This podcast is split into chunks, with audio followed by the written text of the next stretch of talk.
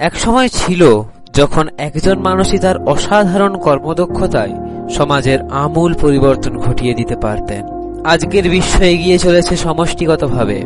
চার চাকার যানের একটি চাকা যদি খারাপ হয়, সেই যানটি আর চলে না। তাই এই যুগের মন্ত্র, কেহ একা থাকিও না কেননা যে একা, সেই ক্ষুদ্র, সেই সামান্য। এই সবার সাথে থাকার ভাবনায় সমাজ গড়ার ভাবনা।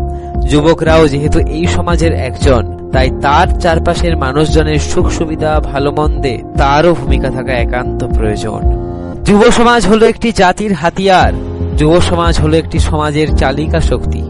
আজ যুগনায়ক বিবেকানন্দের জন্মদিন তথা জাতীয় যুব দিবসের পূর্ণ মুহূর্তে ফ্রেন্ডস ফরেভারের বিশেষ নিবেদন, আমরা যুব সমাজ। প্রদীপ যেমন শুধু নিজে জ্বলে না, তার আলোতে চারপাশের অন্ধকারকে দূর করে, তেমনি আপন সুকঠোর কর্মের মধ্যে যুবকরা নিজেদের চেতনাকে মেলে ধরে। তার সুস্থ ও স্বাভাবিক চেতনার বিকাশ সমাজের বিকাশেরই নামান্তর। যুবকরাই দেশের ভবিষ্যৎ, দেশের কর্ণধার। শিক্ষা, সচেতনতা তথা সমাজ সম্পর্কে প্রকৃত ধারক। দেশের ভৌগোলিক ও প্রাকৃতিক সম্পদের জ্ঞান, সাহিত্য সংস্কৃতি বিজ্ঞান প্রভৃতির অগ্রগতি বিষয়ে সম্যক দৃষ্টি তাদের বিশেষ প্রয়োজন। সতেজ প্রাণবন্ত যুবকেরা দেশ গঠনে সক্রিয় ভূমিকা পালন করলে দেশের কল্যাণ সূচিত হয়। এই জন্য কবি লিখেছেন, ওই আমাদের চোখের মণি, ওই আমাদের বুকের বল, ওই আমাদের অমর প্রদীপ, ওই আমাদের আশার স্থল। যোগ্য নেতৃত্ব ও কর্মতৎপরতার মাধ্যমে উন্নত দেশ গঠন এবং দেশের উন্নতি তথা অগ্রগতির ধারাকে অব্যাহত রাখতে যুব সমাজের ভূমিকা অপরিসীম। এটা সর্বজন বিধিত যে কেবল যুবকরাই পারবে সুন্দর, সুখী ও সমৃদ্ধশালী আদর্শ সমাজ বিনির্মাণ করতে। তারুণ্য মানব জীবনের অমূল্য এক সম্পদ। এটা জীবন মহিরোহের বিকশিত চারাগাছ।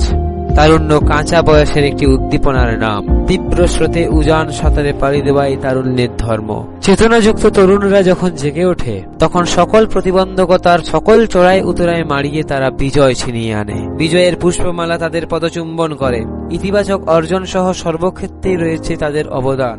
তারুণ্য তথা যৌবনকে সঠিকভাবে কাজে লাগাতে পারলে ইহকালে কল্যাণ ও পরকালীন জীবনে মুক্তির বিশাল বাগিচায় উপনীত হওয়া যাবে।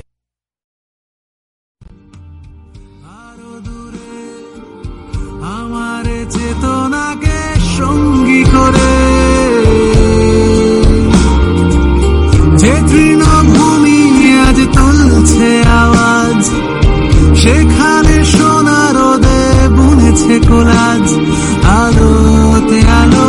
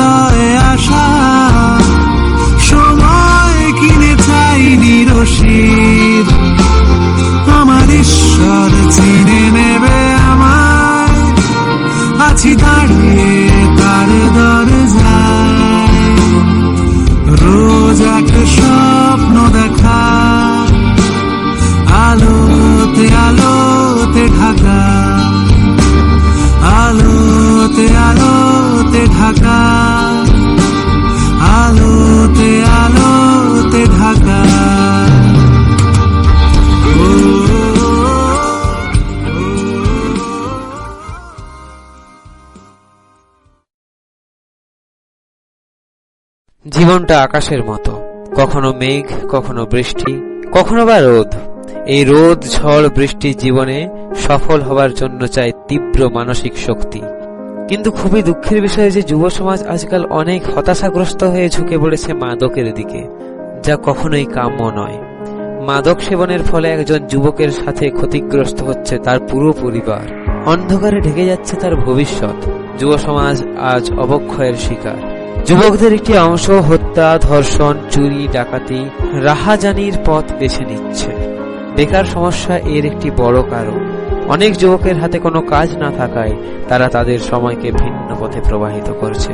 মানসিক অশান্তি ও হতাশা তাদের প্রাণ প্রদীপ ওষ্ঠাগত করে তুলেছে। আকাঙ্ক্ষার জায়গাতে বঞ্চনা, অভাব, কর্মসংস্থানের অভাব, পারিবারিক কলহ, প্রেমে ব্যর্থতা। এমন নানান কারণে হতাশাগ্রস্ত হয়ে যাচ্ছে যুব সমাজের বিশাল একটি অংশ। পরিণামে ঝুঁকে পড়ছে বিভিন্ন রকম মাদকের দিকে। মাদকের জন্য অর্থ যোগান দিতে যেয়ে যুব সমাজের বিশাল একটি অংশ জড়িয়ে যাচ্ছে অনৈতিক কাজে, যা পরিবার, দেশ, সমাজ তথা পুরো জাতির জন্যই ভয়ানক হুমকি স্বরূপ। বর্তমানে আর্থ সামাজিক পরিবেশের কারণে যুব সমাজ আজ সন্ত্রাসে, চাঁদা আদায়ে ও হত্যার মতো অপরাধমূলক কর্মকাণ্ডে নিজেকে জড়িয়ে ফেলেছে। তাদের মধ্যে আজ নৈরাজ্য, অবক্ষয়, হতাশা, ব্যর্থতা ও আশাভঙ্গের আর্তনাদ ধ্বনিত হচ্ছে। অবশ্য গোটা যুব সমাজ এহেন অবক্ষয়মূলক কর্মকাণ্ডে জড়িয়ে নেই। যুব সমাজধারী মুষ্টিমেয় লোকজন এর সাথে জড়িত। বৃহত্তর যুব সমাজের মঙ্গলের কথা ভেবে এই অবক্ষয় থেকে মুক্তি পাওয়ার জন্য সচেতন যুব সমাজকে এগিয়ে আসতেই হবে।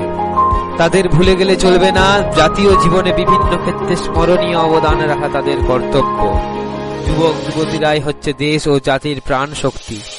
এরাই সকল কর্মকাণ্ডের মূল চালিকা শক্তি ও ভবিষ্যতের কর্ণধার। এই যুব সমাজকে বাদ দিয়ে জাতীয় জীবনে উন্নতি ও অগ্রগতির কথা ভাবাই যায় না।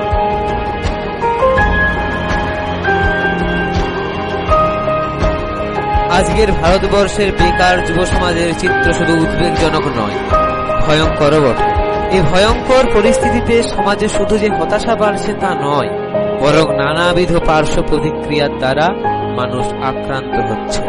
বিঘ্নিত হচ্ছে শান্তি শৃঙ্খলা, নৈতিকতা ও নিরাপত্তা, বাড়ছে অস্থিরতা ও সামাজিক অপরাধ। এই অবস্থা থেকে মুক্তির জন্য প্রয়োজন ছোটবেলা থেকেই প্রার্থনা বা ধ্যানের অভ্যাস করা। ভালো ভালো বই পড়া পরিবারের সবার উচিত শিশু বয়স থেকে সৃজনশীলতাকে ফুটিয়ে তোলা। এই ভালো লাগার কাজগুলো শিশু থেকে যুবক বয়সে চলতে থাকলে যুব সমাজের মধ্যে সৃজনশীলতা আরও বাড়বে। পরিণামে হতাশার মধ্যে মানুষ সৃজনশীল কাজের প্রতি বেশি পরিমাণে ঝুঁকবে যুব সমাজে কমে আসবে মাদকের পরিমাণ।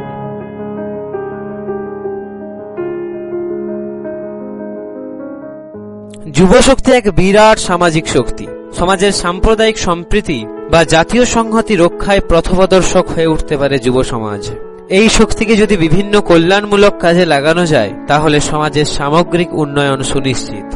মানুষকে মানুষের মতো বাঁচতে হলে চাই আদর্শ সমাজ।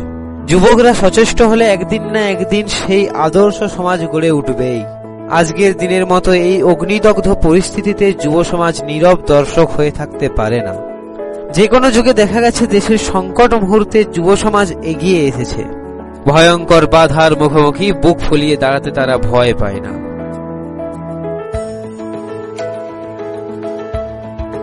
যুব সমাজ দেশের সচেতন নাগরিক, তাই জাতি গঠনে তাদের রয়েছে গুরুত্বপূর্ণ ভূমিকা।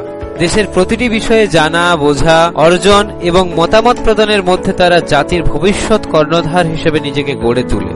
সততা, আদর্শ, নিষ্ঠা, দেশপ্রেমে উদ্বুদ্ধ যুবকরাই জাতির সেরা সম্পদ। জাতির সমৃদ্ধি, সম্মান ও আত্মত্যাগের মধ্যেই জাতীয় অগ্রগতিতে ভূমিকা রাখতে পারে। যুব সমাজ হল তারুণ্যের প্রতীক, যৌবনী মানব জীবনের শ্রেষ্ঠ সময়। এ সময় যে কোনো ত্যাগ শিকারে ব্রতী হওয়া সম্ভব। এ সময়ে কর্মে উদ্দীপনা থাকে সবচেয়ে বেশি। তাই জীবনের যাবতীয় দায়িত্ব নেওয়ার সময় এখন। আমাদের দেশ বহু দিক থেকে পিছিয়ে আছে। আগামী দিনের দক্ষ কর্মকর্তা ও দক্ষ কর্মী হিসাবে নিজেদের গড়ে তোলার জন্য জীবনে তাদের ব্যাপক প্রস্তুতি নিতে হবে। যুব সমাজেরা পারে দেশপ্রেমের আদর্শে উজ্জীবিত হয়ে যে কোনো ত্যাগ স্বীকার করতে। দেশের স্বাধীনতা ও সার্বভৌমত্ব রক্ষায় জীবন বাজি রেখে লড়াই করতেও তারা পিছপা হয় না। তাদের এই দেশপ্রেম সমগ্র জাতিকে উদ্বুদ্ধ করে। যুব সমাজের ঐক্যবদ্ধ সংগ্রামের মধ্য দিয়ে দেশ একটি ইতিবাচক জাগরণ সৃষ্টি করতে পারে। সমস্ত অন্যায়, দুর্নীতি, সন্ত্রাস ও অমানবিকতার বিরুদ্ধে রুখে দাঁড়াতে পারে যুব সমাজ এসবের বিরুদ্ধে দাঁড়িয়ে নিজেরা সৎ ও আদর্শনিষ্ঠ হয়ে উঠলে একটি দুর্নীতিমুক্ত জাতি গড়ে উঠতে পারে। করোনার মতো অতিমারির পরবর্তী সময়গুলিতেও যুব সমাজকে এই উক্তিকে শোনার ও উপলব্ধি করার চেষ্টা করতে হবে। তুমি মাটির দিকে তাকাও, সে তোমার প্রতীক্ষা করছে। তুমি মানুষের হাত ধরো, সে কিছু বলতে চায়। আজ জাতি আমাদের দিকে তাকিয়ে আছে, আমরা জাতিকে কি উপহার দিই? প্রত্যেকটি যুবকদের আজ উচিত জাতিকে কিছু ভালো উপহার দেওয়া। আজ আমরা যুবক, কিন্তু কিছু বছর পর আমরা আর যুবক থাকব না। কিন্তু আমরা জাতিকে কি উপহার দিয়ে গেলাম? ভবিষ্যৎ প্রজন্ম আমাদের দিকে তাকিয়ে আছে, তারা আমাদের দিকে শিখবে। তাই আসুন, আমরা সবাই দেশ ও জাতি গঠনের শপথ নিই। শেষে যুগ পুরুষ বিবেকানন্দের কথাটি একবার মনে করিয়ে দিতে চাই, কেননা তিনি বলেছিলেন, আমি যুবক দলকে সঙ্গবদ্ধ করিতেই জন্মগ্রহণ করিয়াছি আসল ইহারি নহে, ভারতের নগরে নগরে শত শত যুবক আমার সহিত যোগ দিবার জন্য প্রস্তুত হইয়া আছে। ইহারা দুর্দমনীয় তরঙ্গাকারে ভারত ভূমির উপর দিয়া প্রবাহিত হইবে।